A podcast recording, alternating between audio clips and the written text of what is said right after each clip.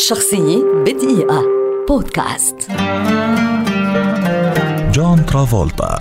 ممثل مغن راقص وطيار أمريكي شهير ولد عام 1954 ويعد واحدا من أبرز نجوم السينما في العالم في العصر الحديث. كان أبواه مرحين جدا لدرجة أنهما أنشأ مسرحا صغيرا لتسلية الجيران وبرزت موهبة جون في هذا المسرح الصغير منذ كان طفلا. وعندما نضج وأصبح في سن السادس عشر قرر ترك المدرسة الثانوية والالتحاق بمجال التمثيل. ولكي لكي يصل إلى مبتغاه كثف جهده وأصبح ممثلا محترفا للمرة الأولى من خلال مشاركته في عدة حلقات تلفزيونية بسيطة ثم جاءت فرصته في فيلم الرعب Devil's Rain عام 1975 وفي العام التالي لم ينجح جون في أي فيلم له بالشكل المطلوب واستمرت هذه الحال إلى أن أطلت سنة 1977 عندما قدم فيلمه الشهير Saturday Night Fever الذي حقق أرباحا تصل إلى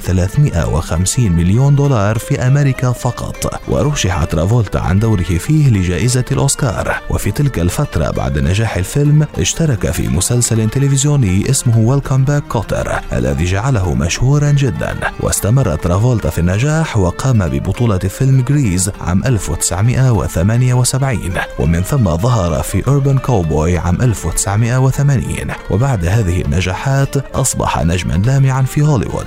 ومن أبرز أفلامه نذكر Face Off Look Who's Talking A Civil Action Hairspray The Thin Red Line Get Shorty و Pulp Fiction الذي يعد أفضل أفلامه على الإطلاق وقد ترشح عن دوره فيه لجائزة الأوسكار. يعد جون ترافولتا من أكثر الممثلين في هوليوود الذين مروا بفترات صعود وهبوط في مسيرتهم. إذ قدم عددا من الأفلام المهمة لكن بعض اختياراته جاءت سيئة جدا أيضا لكنه يبقى دون شك من أشهر الممثلين حول العالم. شخصية بدقيقة. بودكاست.